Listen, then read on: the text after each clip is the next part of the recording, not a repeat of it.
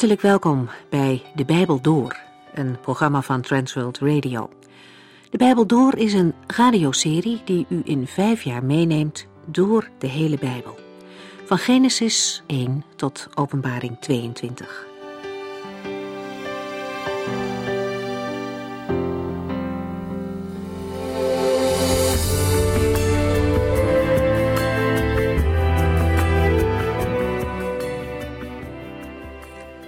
De basis voor deze programma's zijn de Bijbelstudies van dominee Vernon McGee. Hij wil de mensen via de radio een regelmatige en doorlopende Bijbelstudie aanbieden. Transworld Radio heeft de Bijbelstudies vertaald en bewerkt in het Nederlands. En het is een geweldige mogelijkheid om echt de hele Bijbel te bestuderen. Vandaag zijn we toe aan de tiende uitzending. En die gaat verder bij Genesis 3, vers 14. In het derde hoofdstuk van de Bijbel begint een groot drama dat vandaag de dag nog voortduurt. Het beschrijft de diepe val van de mens als hij aan God ongehoorzaam wordt. Door niet naar God te luisteren ontdekt de mens de zonde en de gevolgen daarvan. Het is het einde van een volmaakt leven in de Hof van Eden. De kostbare relatie tussen God en mens wordt hier verbroken. En tegelijkertijd belooft God in ditzelfde hoofdstuk van Genesis al dat er eens een redder zou komen die de mensen weer bij God terug zou brengen. De val van de mens begint met de sprekende slang, die er wellicht heel anders uitzag dan de slangen zoals wij die kennen. Satan gebruikte deze slang. Hij probeerde Eva te laten twijfelen aan Gods woord door allerlei sluwe vragen te stellen. En nog steeds probeert Satan op listige manier mensen te laten twijfelen aan Gods woord. Door stukjes waarheid te vermengen met leugens, wil hij mensen van God en zijn woord afbrengen. Satan doet het voorkomen alsof God mensen beperkt in hun vrijheid, terwijl de geboden van God goed zijn en ons juist willen beschermen. De tactiek die Satan in Ede gebruikte om Adam en Eva te verleiden, is in feite dezelfde manier die hij door de eeuwen heen gebruikt om mensen ongehoorzaam aan God te laten zijn. Satan appelleert aan de hebzucht, de begeerte van de ogen en het verstand van de mens. En het is duidelijk dat de mens na de zondeval niet gelijk aan God is geworden. Er is schuld gekomen. Het pure, het reine, het onschuldige is kapot. De mens valt en verliest God. Maar God zoekt hem op en God roept zijn naam. Ook dat is alle eeuwen door niet veranderd. God roept vandaag nog steeds mensen om weer bij hem terug te komen.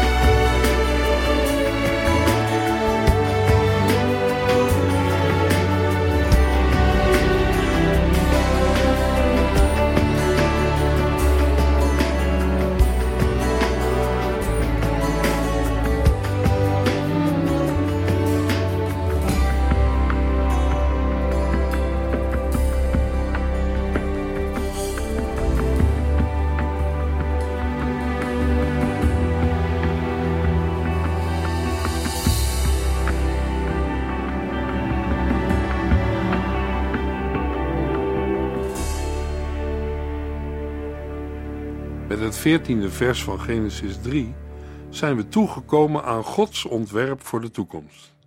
Na de ramp in de Hof van Eden, beschreven in de eerste dertien versen van Genesis 3, moet God nu handelen.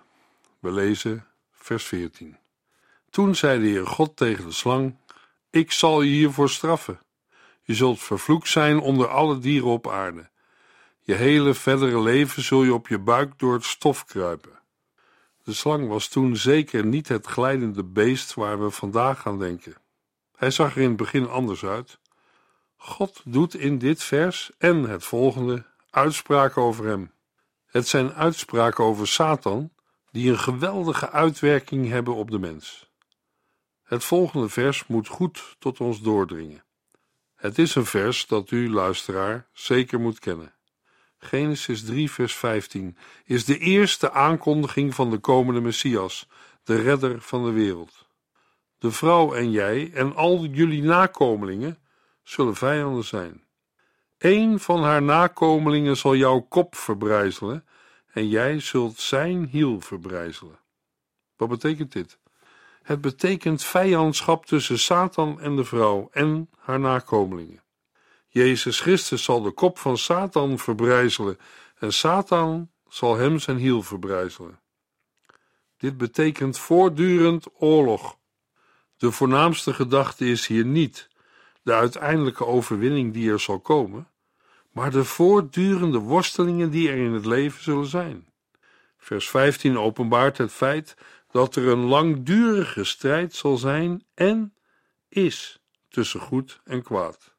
Je komt het regelmatig in de Bijbel tegen. De heer Jezus zegt in Johannes 8, vers 44: U bent kinderen van de duivel en doet graag wat hij wil. Hij zal sinds het begin een moordenaar en heeft altijd buiten de waarheid gestaan, want de waarheid is hem vreemd. Hij kan alleen maar liegen, hij is de bron van de leugen. De duivel is de slang, de Satan. De Heer Jezus laat in Johannes 8 het verschil zien tussen kinderen van God en kinderen van Satan. In de eerste brief van Johannes wordt dit conflict herhaald. Wij kunnen nu dus zien wie een kind van God en wie een kind van de duivel is. Wie verkeerde dingen doet en ook niet van zijn broeder houdt, hoort niet bij het gezin van God. 1 Johannes 3, vers 10. We hebben vanuit de Bijbelversen die we hebben gelezen gezien dat er een conflict, een strijd is. Daarnaast dat er twee soorten nakomelingen van Adam en Eva in de wereld zijn: kinderen van God en kinderen van Satan. Er zal een uiteindelijke overwinning zijn, maar het is nu belangrijk om in te zien dat de strijd tussen goed en kwaad een langdurende strijd is. Ieder mens krijgt ermee te maken. Ieder mens moet weerstand bieden tegen verleidingen die hem of haar onderuit willen halen of kapot willen maken. Ieder mens moet strijd leveren om staande te blijven. Hoe krijgt een mens dat voor elkaar? Voordat de Heer Jezus Christus op aarde kwam, was de overwinning te behalen door gehoorzaamheid aan de wetten en regels van God. Denk onder andere aan de tien geboden. Maar de mens kreeg het niet voor elkaar om naar Gods wetten en normen te leven. Steeds weer dwaalde ze af. De Verlosser moest komen. Nadat Christus was gekomen, wordt de mens opgeroepen om hem na te volgen in geloof. Als iemand vandaag vraagt: Hoe kan ik gered worden? Dan is het antwoord: Alleen door Christus en te blijven in hem. De mens is een van de drie soorten schepselen die God maakte: engelen, dieren en mensen. Dieren hebben geen mogelijkheid om te kiezen, maar mensen en engelen wel. Hier zien we de eigen verantwoordelijkheid van de mens. Wat je kiest kan verstrekkende gevolgen hebben voor de rest van je leven. In Genesis 3 hebben Adam en Eva gekozen. Daarmee worden zij ook verantwoordelijk gehouden voor de consequenties en de gevolgen. We hebben gelezen één van haar nakomelingen. Het wijst op de maagdelijke geboorte van Jezus Christus. Toen God in de hof kwam, zocht hij naar de mens. Hij zei: Waar ben je? Regelmatig zijn er in de media verhalen van mensen die op zoek zijn naar God. Maar dat lezen wij hier niet. Een punt om even bij stil te staan. We lezen hier niet dat Adam na de zondeval op zoek is naar redding van God. Het tegendeel is waar. Adam verstopt zich en zoekt met vijgenbladeren een eigen oplossing. Maar die weg loopt dood. De redding voor ons mens is het zoeken van God naar de mens. De mens rende weg en verstopte zich voor God en God riep: Waar ben je? Iemand schreef erover: Het is de roep van de goddelijke rechtvaardigheid, die de zonde niet over het hoofd kan zien. De roep van het goddelijke verdriet dat treurt over de gevallen mens. Het is de roep van de goddelijke liefde die verzoening aanbiedt aan de zondaar. Het zoeken van God naar dat wat verloren is, naar de mens, wordt overal in de Bijbel weergegeven. Een paar voorbeelden. Romeinen 3, vers 11. Paulus schrijft: Er is niemand verstandig, er is niemand die echt zijn best doet om God te vinden. Johannes 15, vers 16. Jezus zegt: Jullie hebben niet mij uitgekozen, maar ik heb jullie uitgekozen. En in 1 Johannes 4, vers 19 zegt Johannes: Dat wij Hem liefhebben, komt doordat Hij ons het eerst heeft liefgehad. God zoekt de mens. Hij biedt de mens de redding aan. Maar dat gaat niet zonder strijd. Het is geestelijk gezien oorlog.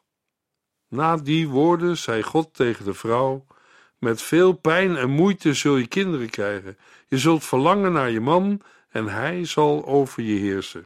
Genesis 3, vers 16. Dit is het oordeel over de vrouw. Ze kan geen kind ter wereld brengen zonder pijn. Iets dat in alle tijden waar is gebleken. Het mooiste dat vreugde in het leven brengt en dat de families in stand houdt, komt door lijden heen. Tegen Adam zei hij: Omdat je naar je vrouw hebt geluisterd en ondanks mijn waarschuwing toch van de boom hebt gegeten, zal ik de aardbodem vervloeken. Voortaan zul je hard moeten werken om in leven te blijven. Er zullen dorens en distels groeien en van de wilde planten zul je eten. Tot de dag van je dood zul je zwetend het land bewerken om te kunnen leven. Dan zal je lichaam vergaan tot het stof van de aarde. Want uit stof ben je gemaakt en tot stof zul je weer worden. Genesis 3, vers 17 tot en met 19. Dit is het oordeel over de mens. De dood is het leven binnengekomen. Nu gaat de mens dood. Wat is de dood? Het eigene van de dood is de scheiding van de persoon, scheiding van geest, ziel en lichaam. Prediker 12, vers 7 zegt het zo: Voor het stof terugkeert naar de aarde, zoals het was, en de geest terugkeert naar God, die hem gaf. Een mens moet zich uiteindelijk verantwoorden aan zijn schepper, aan God. Of hij nu gered of verloren is, hij moet het. Adam stierf niet direct na het eten van de vrucht. Hij stierf pas ruim 900 jaar later. Hoe moeten we dat zien? Het is niet moeilijk. Hij stierf geestelijk. Op het moment toen hij ongehoorzaam werd, scheidde hij zich af van God. Dood is scheiding. Toen Paulus aan de Efeziërs schreef dat zij dood waren in overtredingen en zonden, was hij niet van mening dat ze al werkelijk dood waren. Hij bedoelde dat ze geestelijk dood waren, gescheiden van God. De Heer Jezus zei het zo, in die prachtige gelijkenis van de verloren zoon. De zoon verliet zijn vader, maar toen hij terugkwam, zei de vader tot zijn broer: Mijn jongste zoon was dood en is weer levend geworden. Ik was hem kwijt en heb hem weer terug. Lucas 15, vers 24. Dood? Ja, hij was dood, niet in een graf, maar hij was gescheiden van zijn vader. Afgescheiden van God, van de Vader in de hemel, betekent dood. Jezus zei tegen Martha in Johannes 11, vers 25: Ik ben zelf het leven. Wie in mij gelooft, zal leven, zelfs als hij gestorven is. Samengevat, dood betekent geestelijk dood. Dat is afgescheiden zijn van God. De mens ging dood toen hij, in ongehoorzaamheid aan het woord van God, van de verboden vruchten at. Toen vluchtte hij weg van God. Dat is de reden van het vlechten van de vijgenbladeren om zich te bedekken. We gaan naar Genesis 3, vers 20. En de man noemde zijn vrouw Eva, moeder van alle levenden, omdat uit haar alle mensen zouden worden geboren. Kain en Abel werden niet in de Hof van Eden geboren. Dat gebeurde na de zondeval van Adam en Eva. We lezen verder met vers 21.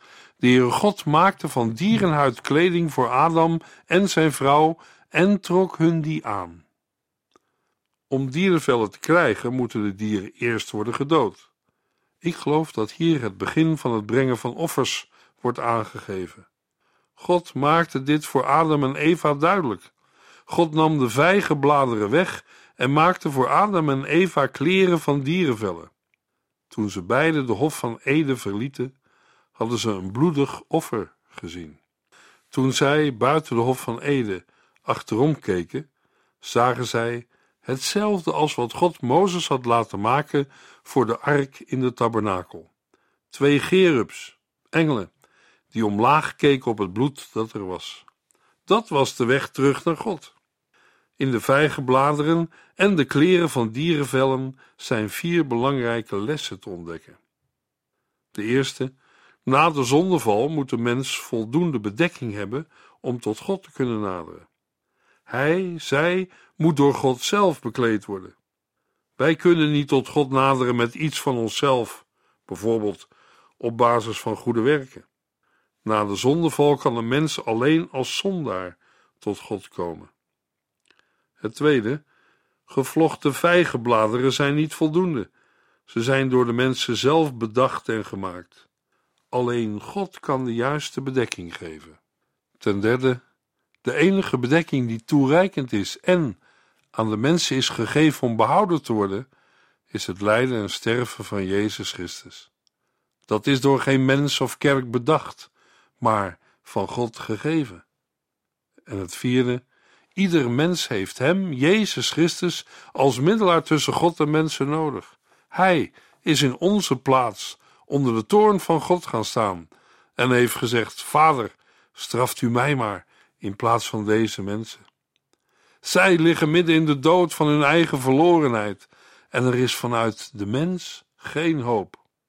Luisteraar, worstelt u wel eens met de vraag: hoe wordt een mens rechtvaardig voor God? Adam en Eva konden niet blijven in de Hof van Eden. De mens mag niet meer eten van de boom van het leven. Genesis 3, vers 22 en 23. Door te eten van de boom van de kennis van goed en kwaad is de mens aan ons gelijk geworden. Als hij nu van de boom van het leven eet, zal hij ook nog voor altijd leven, zei de Heere God. Daarom stuurde hij de mens voor altijd uit de Hof van Eden weg. Hij moest het land gaan bewerken waaruit hij was voortgekomen. Alles wat je bij deze verse kunt zeggen is: Dank u, Heere God, dat u de mensheid niet voor eeuwig in deze verlorenheid hebt doen laten leven. Dat is pas echt een zegen. God zet geen punt achter de geschiedenis van de mens. Er is uitzicht, want God geeft nog opdrachten en beloften mee. God verdreef de mens en plaatste aan de oostkant van de hof gerubs en een vlammend zwaard dat flitsend heen en weer schoot, om de toegang tot de boom van het leven te bewaken. Genesis 3, vers 24. Dit is geen wegversperring naar God. Het betekent dat de weg tot God, de weg van het leven, open bleef, maar niet meer via de boom van het leven. De weg is open door een offer, het offer van Christus. We gaan verder met Genesis 4. In Genesis 3 zagen wij de wortels van de zonde. Nu, in Genesis 4, ontdekken wij de vruchten van de zonde. Hoe slecht is de zonde? In Genesis 4 zien we dat de mens niet alleen maar lijdt aan de gevolgen van het eten van de boom van de kennis van goed en kwaad. Hoofdstuk 4 laat ook zien wat er verder met de mens gebeurde. Door zijn ongeloof en ongehoorzaamheid keerde de mens zich af van God. Hij zondigde zoveel dat hij zichzelf en zijn nakomelingen onder het oordeel van God bracht. Ook wij hebben dezelfde zondige natuur die Adam en Eva hadden na de zondeval. We zien het allemaal in de geschiedenis van Adam en Eva. Ze kregen meer kinderen dan de twee die in het eerste vers van Genesis 4 worden genoemd. Genesis 4, vers 1. Adam had gemeenschap met Eva en ze raakte in verwachting. De zoon die werd geboren noemde zij Kain. Want, zei Eva, met behulp van de Heere heb ik een man ter wereld gebracht. Hieruit blijkt dat Adam en Eva zeker niet verwachten dat de strijd erg lang zou duren. Toen Kain was geboren, zei Eva: Met behulp van de Heere heb ik een man ter wereld gebracht. God had gezegd dat het zaad van de vrouw de kop van de slang zou vermorzelen. Gaat dat met Kain gebeuren? Nee, het was Kain niet. Hij werd een moordenaar. Hij was helemaal geen redder.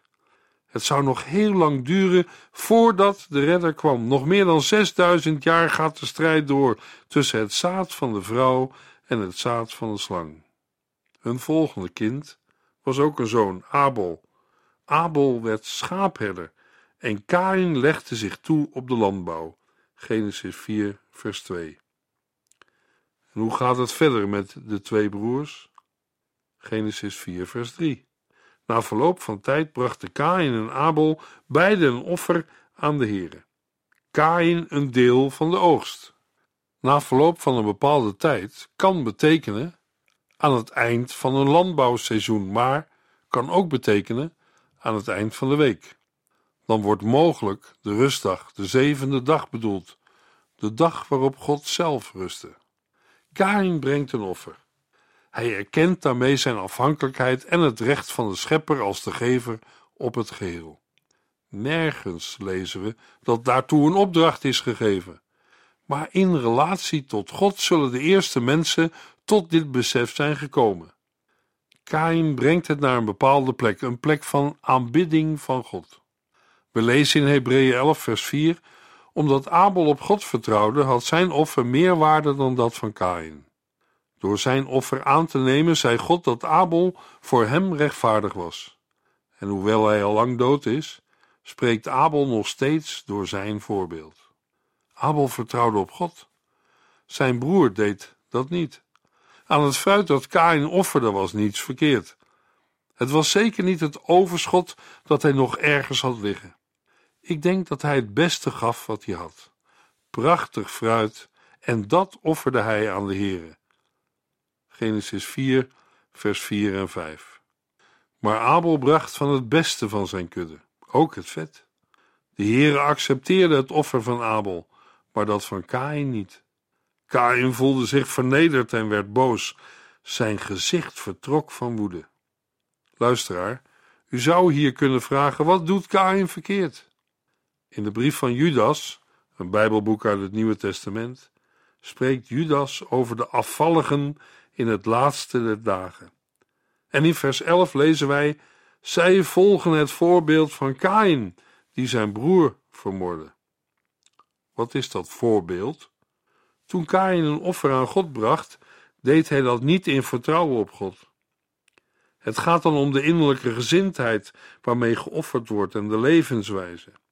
In de brief van Judas lezen wij wat dat voor mensen zijn.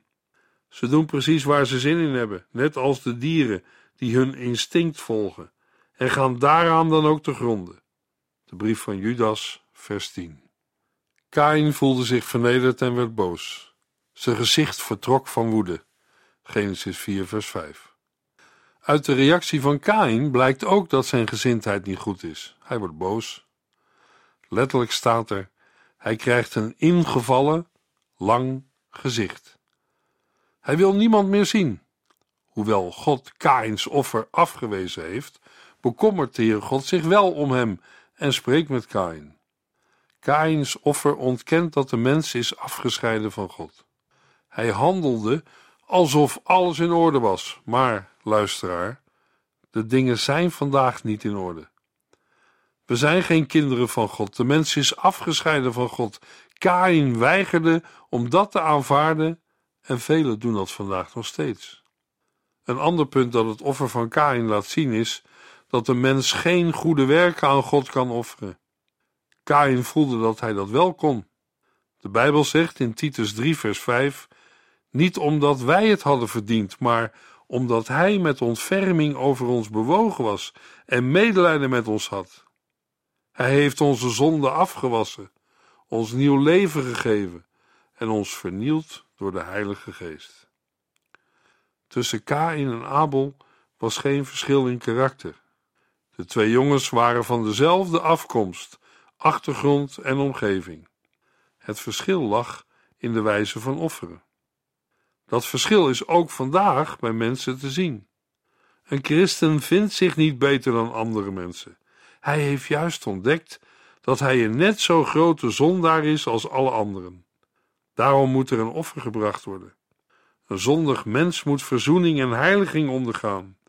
Een mens heeft iemand anders nodig om zijn of haar plaats in te nemen. Iemand die zich opoffert in zijn of haar plaats. Paulus zegt het zo in Romeinen 3, vers 25.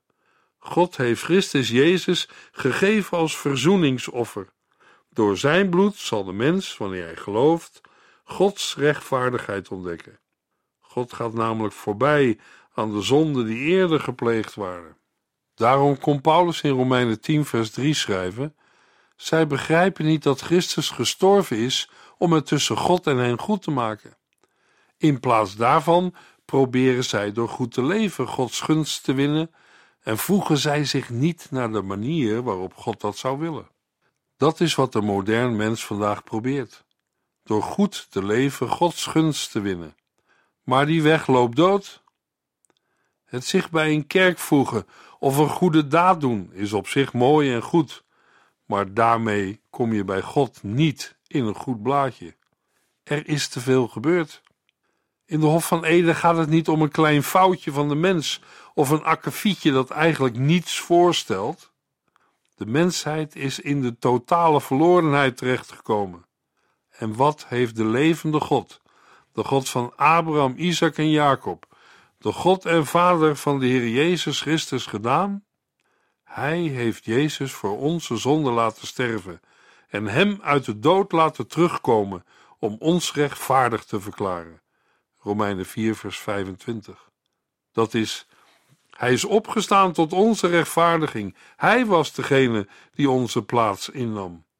Want God nam Christus, die geen zonde gedaan had, en belastte hem met onze zonde. In ruil daarvoor rekent God de rechtvaardigheid van Christus ons toe. 2 Korinthe 5 vers 21. Echt, ik beschouw zelfs alles als waardeloos, omdat niets meer waarde heeft dan het kennen van Christus Jezus. Ik heb alles als vuilnis weggegooid om Christus te kunnen ontvangen en één met Hem te zijn. Ik reken er niet meer op dat ik het met God in orde kan maken door het houden van allerlei wetten. Nee, daarvoor vertrouw ik nu op Christus. Hij maakt het goed tussen ons en God als wij maar in Hem geloven. Filippenzen 3, vers 8 en 9. De rechtvaardigheid van Kain kwam uit zichzelf. De rechtvaardigheid van Abel keek vooruit naar de reiniging door Christus. Daarover in een volgende uitzending meer.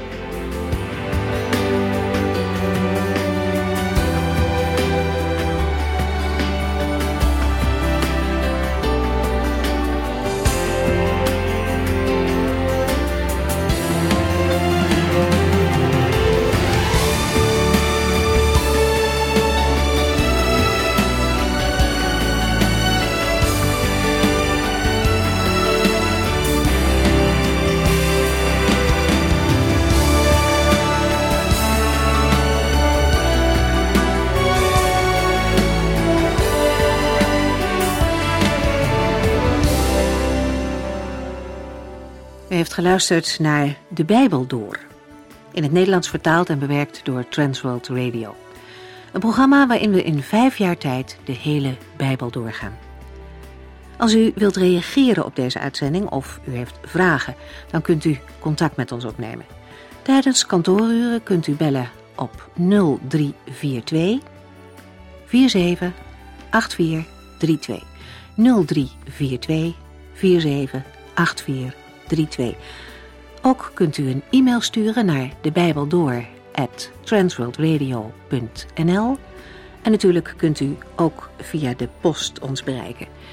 TWR, postbus 371, postcode 3770, AJ in Barneveld. Dit programma werd gepresenteerd door Cor Weda en Ike André. Techniek was in handen van Odin van Voerkom. En wij allemaal bedanken u voor het luisteren. Graag tot de volgende keer.